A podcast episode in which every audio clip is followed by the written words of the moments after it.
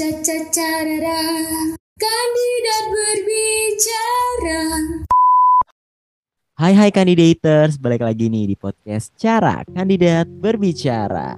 Dan pastinya kalian udah tidak asing lagi nih dengan suaraku atau mungkin sama wajah aku yang udah kepampang di cover. Nah tentunya di setiap episode Cara pasti punya bahasan-bahasan yang menarik, especially di konten kali ini kita bakalan ngebahas tentang mental health.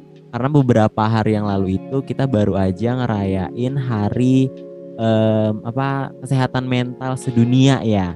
Di podcast kali ini ada yang bisa tebak nggak? Aku bakalan sendirian aja atau kalian udah ada yang tahu nih? Udah ngeliat di covernya udah ada kakak cantik yang bakalan nemenin aku selama beberapa menit ke depan. Nah tapi sebelum aku spill nih gestar pada podcast kali ini, aku nggak akan bosan-bosannya untuk ngingetin kandidator supaya nggak ketinggalan info terupdate dari kandidat college. Jadi jangan lupa untuk dipantengin terus Instagram kita di @kandidat.college, terus juga di Twitter kita di @ccollege_ind dan juga TikTok, LinkedIn di Kandidat College. Karena bakalan banyak informasi-informasi menarik juga di sana. Dan pastinya kandidators juga jangan lupa untuk selalu dengerin kandidat berbicara di Spotify. Kamu bisa dengerin rame-rame bareng sahabat, teman sekelas, orang tua, pacar, atau gebetan, atau yang masih PDKT-an nih bisa banget kalian dengerin bareng mereka. Nah, di episode kali ini kita bakal ngebahas mengenai proses pendewasaan. Yang aku yakin ini tuh sangat relate banget nih sama kandidators yang ada di rumah ataupun di mana kalian berada. Mungkin akhir-akhir ini kandidators ada yang ngerasa takut atau khawatir nih mengenai masa depan baik itu dalam hal karir, relasi, percintaan mungkin. Kayak aku nih yang udah 18 tahun hidup di dunia ini kok belum ada nih rasanya kayak um, halo aku mau dong kenalan sama kamu aku mau dong jadi pacar kamu nggak ada tuh aduh jelek banget nih percintaan Odi nih nah kali ini kita bakalan ngebahas lebih mendalam tentang quarter life crisis atau KLC Nah, apa sih KLC itu? Apa sih quarter life crisis itu? Makanya stay tune terus nih kandidators. Dengerin terus sampai akhir yang pastinya ini episode tuh bakalan seru banget dan sangat insightful banget nih. Oke, karena di awal aku udah bilang tadi itu aku tuh nggak bakal sendirian nih ngobrolnya. Aku bakalan ditemenin sama kakak cantik yang pastinya bakalan memberikan uh, sebuah insight baru mengenai topik yang akan kita bahas pada episode kali ini. Oke, boleh dong nih kita sapa-sapa kecil teman-teman kandidators. Hai Kak Hasna. Halo Kak Odi. Halo. Oh my god. Oke, gimana nih harinya Hasna? Aduh, hari-hari ya, alhamdulillah banget. Uh, masih dikasih kesehatan nih. Kalau misalnya dari Odinya sendiri gimana nih? Oke, dari aku sendiri sih puji Tuhan masih sama aja ya kayak hari-hari sebelumnya masih sibuk dengan tugas-tugas yang memang waduh aku masih shock karena kan semester awal nih masih maba nih jadi selama ini tuh kuliah kayak wah plong-plong aja nih tiba-tiba ada tugas yang brek brek brek brek brek wow capek juga ya jadi mahasiswa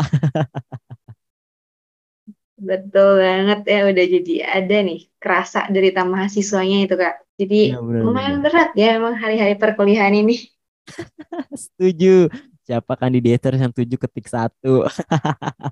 Oke, sebelum kita lanjut, boleh dong dikasih tahu Hasna nih dari divisi mana nih di CC? Oke teman-teman semua, kenalin nama aku Hasna Haifan Nabilah, aku biasa dipanggil Hasna, dan aku bagian dari HR di tim, lebih tepatnya di People and Culture nih. Wah, keren banget gak sih Sobat PNC kita satu ini, applause teman-teman, applause. Oke deh, kita lanjut langsung aja nih ngebahas tentang quarter life crisis. Jadi benar nggak sih kalau tanda-tanda quarter life crisis itu tuh bakalan ada rasa kayak panik, terus uh, anxiety berlebih, terus kayak takut nih sama apa yang bakalan datang nantinya. Atau mungkin dari Hasna sendiri bisa ceritain dikit nih sebenarnya KLC itu seperti apa sih? Oke, jadi sebenarnya yang disebutin sama Odi tadi tuh udah benar tuh. Cuman kalau misalnya aku boleh nambahin, jadi quarter life crisis ini tuh adalah salah satu periode ketidakpastian atau pencarian jati diri yang dialami individu. Nah, fase ini tuh masuk ke dalam proses pendewasaan seseorang. Nah, periode ini juga setahu saya akan merasakan cemas, takut akan masa depannya. Itu tuh bisa dalam hal karir, pendidikan, ataupun relasi. Kayak gitu, di. Oh my God, ternyata seperti itu guys, KLC itu. Sangat menarik banget nih buat kita ngebahas lebih dalam. Jadi KLC itu proses pendewasaan yang cukup wow, semua pasti bakalan mengalami ya apa namanya KLC itu dari namanya aja kan quarter berarti itu kan seperempat ya berarti kayak seperempat kehidupan tapi sebenarnya orang-orang yang merasakan KLC itu dari Hasna sendiri eh, tahu nggak kira-kira itu dari range umur berapa sampai berapanya Oke, ya tadi ya uh, sebelumnya benar banget tadi quarter life crisis itu masuk ke dalam fase yang cukup berat waktu dialami sama seseorang gitu ketika mau beranjak dewasa. Nah, buat umurnya sendiri karena ini seperempat dan kalau misalnya kita hitung seperempat dari 100 kan 25 ya. Nah, itu tuh sama. Jadi quarter life crisis itu sebenarnya sekitar usia 25 sampai 30 tahun. Tapi di sini nggak matok ya. Jadi cuman di sekitar antara 25 sampai 30 bahkan bisa sebelum ataupun sesudah itu tuh masih bisa mengalami fase ini gitu. I see, I see. Nah, jadi buat candidators di rumah, kalau KLC itu nggak matok di range umur yang tadi udah disebutin tuh sama si Hasna kan. Nah, dari uh, statement yang tadi udah Hasna sampein, kira-kira ada nggak nih faktor-faktor pemicu, faktor-faktor eksternal yang memicu terjadinya KLC itu sendiri? Oke, nah sebenarnya kalau misalnya buat faktor, pasti ada dong pemicunya. Kenapa sih KLC bisa terjadi gitu? Kenapa sih seseorang bisa lewatin dan masuk fase itu? Pasti tentunya ada. Nah, jadi um, kalau misalnya faktor-faktor dari KLC itu ternyata ada faktor internal sama faktor eksternal. Faktor internal yaitu dari kita sendiri dan faktor eksternal yaitu ya dari luar gitu, dari lingkungan sekitar kita. Nah, jadi kalau misalnya buat faktor internal, uh, jadi yang pertama itu adalah ragu dan khawatir akan harapan dan mimpi. Nah, di mana ragu dan khawatir ini tuh bisa mempengaruhi emosi kalian yang sampai akhirnya ngerasain krisis emosional. Dan e, contohnya itu kayak misalnya keinginan dalam relasi yang berarti kita pengen punya relasi ataupun lingkup pertemanan yang oke okay, gitu. Terus di satu sisi juga kita dapat pressure dari keluarga karena ingin membahagiakan keluarga. Kita juga punya harapan biar karir kita bagus. Kita memiliki harapan juga biar kita bisa dapat pasangan yang bisa ngedukung dan nemenin kita. Nah, harapan-harapan ini yang bisa ngebuat kita tuh kerasa krisis emosionalnya gitu. Nah, buat selanjutnya yaitu ada tentang keyakinan, baik itu spiritual ataupun agama, di mana uh, emosi seseorang itu kan pasti dipengaruhi gitu kan dari proses agamanya gitu. Ketika dia tidak terlalu berkontribusi sama agamanya ataupun spiritualnya ataupun keyakinannya, dia juga bisa bingung sama tujuan hidupnya. Nah, terus yang selanjutnya, kan tadi tentang internalnya tuh. Nah, kalau misalnya selanjutnya itu ada dari eksternal yang tadi aku udah singgung. Nah, jadi sebenarnya faktor eksternal tuh masih ada kaitannya sama tadi yang pertama yang internal, yang ragu gitu kan. Jadi yang eksternal tuh pertemanan, percintaan, dan juga keluarga gitu. Jadi eh, kesulitan-kesulitan ataupun hambatan untuk mencapai harapan tadi kan itu dikaitkan dengan faktor eksternal ini gitu. Kemudian yang selanjutnya adalah uh, tentang dari pendidikan. Di mana kalau misalnya pendidikan itu kan kita pasti pengen jadi yang terbaik, kita pengen dapat IP atau IPK yang bagus, atau mungkin uh, kita ngerasa kita salah jurusan gitu. Sampai akhirnya kita bingung, kita mau ke mana nih? Jalan selanjutnya keputusannya apa nih? Nah, ini juga bisa jadi pemicu dari KLC. Kemudian yang selanjutnya yaitu ada karir ataupun pekerjaan gitu. Jadi uh, lingkungan itu menuntut kita buat kita punya pekerjaan. Walaupun memang nanti satu waktu kita ngerasa nganggur, kita ngerasa insecure, kita jadi bingung, kita mau ke arah mana nih gitu. Kita jadi bingung sendiri, tujuan kita tuh mau apa gitu. Mungkin kalau misalnya dari faktor itu ya aku bisa sebutin baru segitu sih. Dan pastinya itu masih banyak faktor yang belum aku sebutin. Kayak gitu, Odi. Oke, thank you so much Hasna atas penjelasannya nih. Nah, tentunya berada di fase KLC ini tuh kayak nano-nano banget nih kandidators rasanya. Susah-susah gampang gitu. Karena kan kita nggak mungkin menghindari fase ini dan semua orang pasti bakalan ngalamin fase tersebut. Nah, kalau dari kamu sendiri nih Hasna, ada nggak sih cara atau kegiatan yang bisa kamu lakuin supaya kita jadi lebih relax dan lebih enjoy, nggak enjoy sih, maksudnya lebih santai dalam menghadapi eh, masa-masa KLC ini? Oke, nah pasti ada dong kalau misalnya dari aku tuh, menurut aku cara yang paling ampuh buat ngalamin zona ataupun fase chaos ini tuh adalah bikin diri kita itu fokus buat diri kita sendiri. Kenapa sih kita harus fokus ke diri sendiri dulu? Nah, karena kan setiap kita mau bikin keputusan atas apa pun itu yang punya kendali atas diri kamu, ya diri kamu sendiri gitu. Makanya kalau misal kita uh, nyangkut pautin orang lain, kita bawa-bawa orang lain, itu bisa bikin kita makin bingung, malah bisa bikin kita juga makin insecure sama lingkungan kita gitu.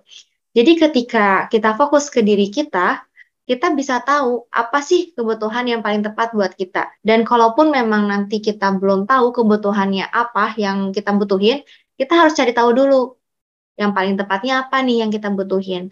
Ketika kita udah tahu apa yang kita butuhin, kita bisa ngejurusin tujuan hidup kita mau ke mana sih, tujuannya mau apa, sampai akhirnya kita bisa mempertimbangkan keputusan yang kita ambil buat di masa yang akan datang. Dan kegiatannya itu menurutku yang paling tepat buat fase ini tuh adalah mengeksplor diri. Dengan kita mengenal lingkungan kita, dengan kita mengenal uh, berbagai pandangan yang ada di lingkungan, itu tuh bisa bikin kita makin terbuka, bisa bikin kita mau nerima diri kita gitu. Sampai akhirnya kita bisa ngelihat dunia nyata tuh kayak gimana sih. Kayak gitu Adi. Nah, oke, okay. kayak gitu tuh kandidators. Jadi tips and triknya udah dikasih tahu nih sama Hasna. Jadi buat kandidators di rumah cobain deh ngejalanin masa-masa atau fase-fase KLC ini eh, supaya bisa lebih enjoy sambil dijalanin tips yang tadi tuh mengeksplor diri kayak baca buku, terus nonton film, eksplor dunia. Jadi kalian tuh eh, apa ya kayak nggak berasa sedang menjalani eh, masa-masa KLC ini. Nah, kalau dari tips-tips yang tadi udah di-share sama Hasna nih tentang kegiatan-kegiatan yang bisa kita lakuin supaya kita bisa lebih rileks dalam uh, artian kita bisa rileks dalam menjalani fase-fase KLC ini untuk diri kita sendiri. Nah, sekarang nih kalau misalnya kita di posisi um, sebagai teman atau keluarga terus salah satu dari rekan kita itu lagi berada di dalam fase KLC ini atau quarter life crisis ada nggak sih cara yang bisa kita lakuin sebagai bentuk support system untuk uh, selalu mensupport teman atau keluarga kita? Oke, okay, bagus nih pertanyaannya. Nah, jadi kalau misalnya buat itu pastinya ada dan tadi udah disebutin ya, kalau misalnya cara yang paling tepat itu adalah dengan kita ngasih dukungan atau support ke mereka gitu. Nah, bentuknya dalam bentuk apa? Itu tuh bisa dalam bentuk afirmasi, dengan kita ngasih waktu kita buat mereka, yaitu kita nemenin mereka, atau mungkin kita ajak mereka hangout bisa, karena kan itu juga masuk ke dalam explore ya. Nah, tapi sepanjang kita nemenin mereka, kita support mereka, kita tuh tetap harus bisa ngingetin hal-hal baik buat mereka. Nah, kita juga bisa nerapin love language yang kita punya ke mereka gitu. Karena kan di sini kita perannya buat ngasih semangat ke orang tersebut. Dan kalau satu waktu nih mereka minta saran ke kita, minta masukan ke kita, kita juga harus bisa menjawab dengan tepat dan berhati-hati dalam menjawabnya. Karena uh, jawaban yang bakal kita kasih itu tuh bisa berpengaruh terhadap keputusan mereka kayak gitu di Oke, tadi kan kita udah sempat dengerin uh, spilan-spilan tipis cara general apa sih itu KLC. Nah, sekarang aku mau tanya nih ke Hasna sendiri. Uh, dari Hasna sendiri tuh udah sempat apa namanya ngerasain nggak uh, impact dari KLC itu tuh kayak gimana dan cara kamu buat ngejalaninnya itu seperti apa? Oke, mungkin kalau misalnya KLC yang aku alamin itu belum KLC yang fasenya berat banget ya, belum yang kompleks banget. Uh, karena kan ya secara umur juga mungkin aku belum di seperempat itu gitu. Tapi mungkin karena tadi aku udah singgung kan kalau misalnya KLC itu bukan berdasarkan umur yang seperempat itu. Bahkan dari sebelum ataupun sudah kita tuh sempat tipis-tipis ngalamin KLC-nya ini. Nah mungkin kalau misalnya aku tuh ngalaminnya tipis-tipis aja. Jadi uh, kayak misalnya uh, penjurusan kuliah deh misalnya. Penjurusan perkuliahan itu sebenarnya aku ngelewatin fase krisisnya itu gitu. Kenapa? Karena kan aku harus bimbang nih, aku harus ngambil jurusan apa, dan aku juga bingung untuk ngambil keputusannya tuh kayak gimana nih buat penjurusan, apakah aku dengan ngambil jurusan ini cocok nggak sih buat aku gitu kan.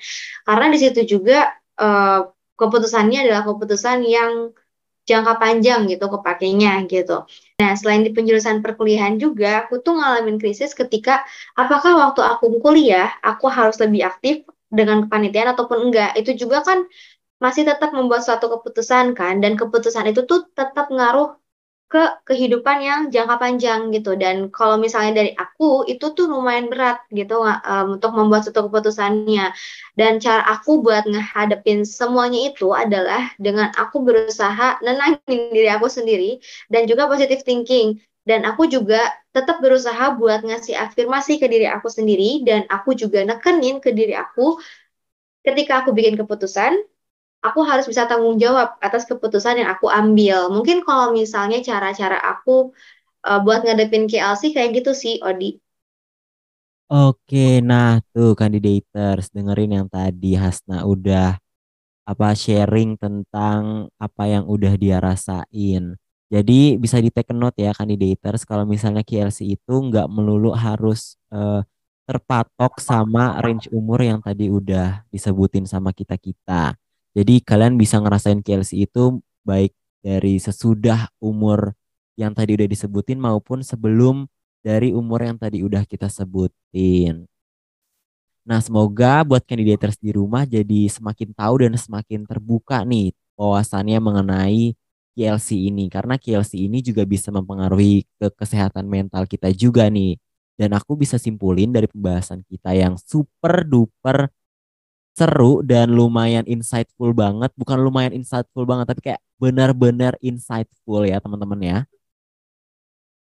Kita bisa menyimpulkan bahwa eh, buat teman-teman kandidators di rumah semoga bisa makin aware nih sama KLC ini ataupun sama eh, kesehatan mental. Jadi jangan pernah menganggap remeh kesehatan mental karena kita nggak ada yang tahu ya kalau misalnya eh, impact dari kesehatan mental itu eh, bentuknya itu seperti apa. Jadi buat teman-teman yang emang udah mulai merasa uh, lost, terus mulai merasa lelah, kalian boleh banget berhenti sebentar dari kegiatan yang emang membuat kalian overwhelmed itu nggak apa-apa banget karena impact dari kalian berhenti ataupun beristirahat sejenak itu bakalan luar biasa di uh, ke depannya. Bisa aja karena kalian memutuskan untuk wah kayaknya gue harus rehat bentar dulu nih. Nah jadi nanti tuh di depan kalian bisa lebih uh, fokus menjalani hari kayak gitu. Nah terakhir nih sebagai uh, closing statement dari Hasta sendiri ada nggak yang mau disampaikan buat uh, teman-teman kandidators? Oke, okay, nah paling buat closing statement ya. Aku mau ngasih sedikit pesan aja sih buat semuanya. Nah, jadi aku mau ingetin dan aku mau bilang, hai buat kalian semua yang lagi ngelewatin dan masuk ke fase ini, fase quarter life crisis ini. Semangat ya, aku tahu kalian pasti bisa ngelewatin fase ini dan keputusan apa pun yang kalian ambil, semoga itu adalah keputusan yang paling baik buat diri kalian sendiri. Dan uh, kalian udah sampai ke titik ini, itu udah kalian hebat banget gitu, udah bisa ngelewatin fase krisis kehidupan kalian. Dan ya intinya jangan lupa semangat dan jangan lupa buat beristirahat ya. Oke, thank you so much buat Hasna yang udah memberikan closing statement yang sangat-sangat wow nih. Oke kandidators, nggak kerasa nih udah di penghujung podcast aja nih kita nih. Oh my god, kita udah lama banget nggak ngobrol kayak gini nih sama kandidators. Semoga episode kali ini bisa memberikan insight baru, ilmu-ilmu baru untuk kandidators khususnya di topik kali ini yang kita bawa yaitu tentang KLC atau quarter life crisis. Tadi kita udah sempat ngobrol tentang uh, apa sih itu KLC terus tentang penanganannya itu kayak gimana kalau misalnya kalian lagi uh, join masuk di fase KLC ini bukan penanganan sih maksudnya kayak lebih ke gimana sih cara kalian menjalani hari jika kalian lagi di fase KLC ini dan semoga podcast ini bisa jadi wadah sebagai penyemangat bahwa kalian tuh nggak sendiri guys. Jadi kandidators di rumah kalian tuh tidak sendiri. Kalian masih punya aku si Odi podcaster tersayang kalian gitu. Dan yang pastinya makasih banget nih buat Hasna yang udah mau sharing-sharing tentang KLC. Thank you so much udah mau jadi uh, guest star di episode kali ini. Sama-sama Odi dan makasih juga ya buat semua teman-teman podcast dan juga teman-teman IO yang udah mau nyediain uh, ranah buat sharing mengenai KLC ini nih. Dan yang pastinya thank you juga buat tim IO yang udah mau membuat campaign OMC October Month Care dan memilih uh, podcast sebagai wadah sharing tentang KLC ini. Aku Odi pamit undur diri. Sampai bertemu di next episode. Bye bye.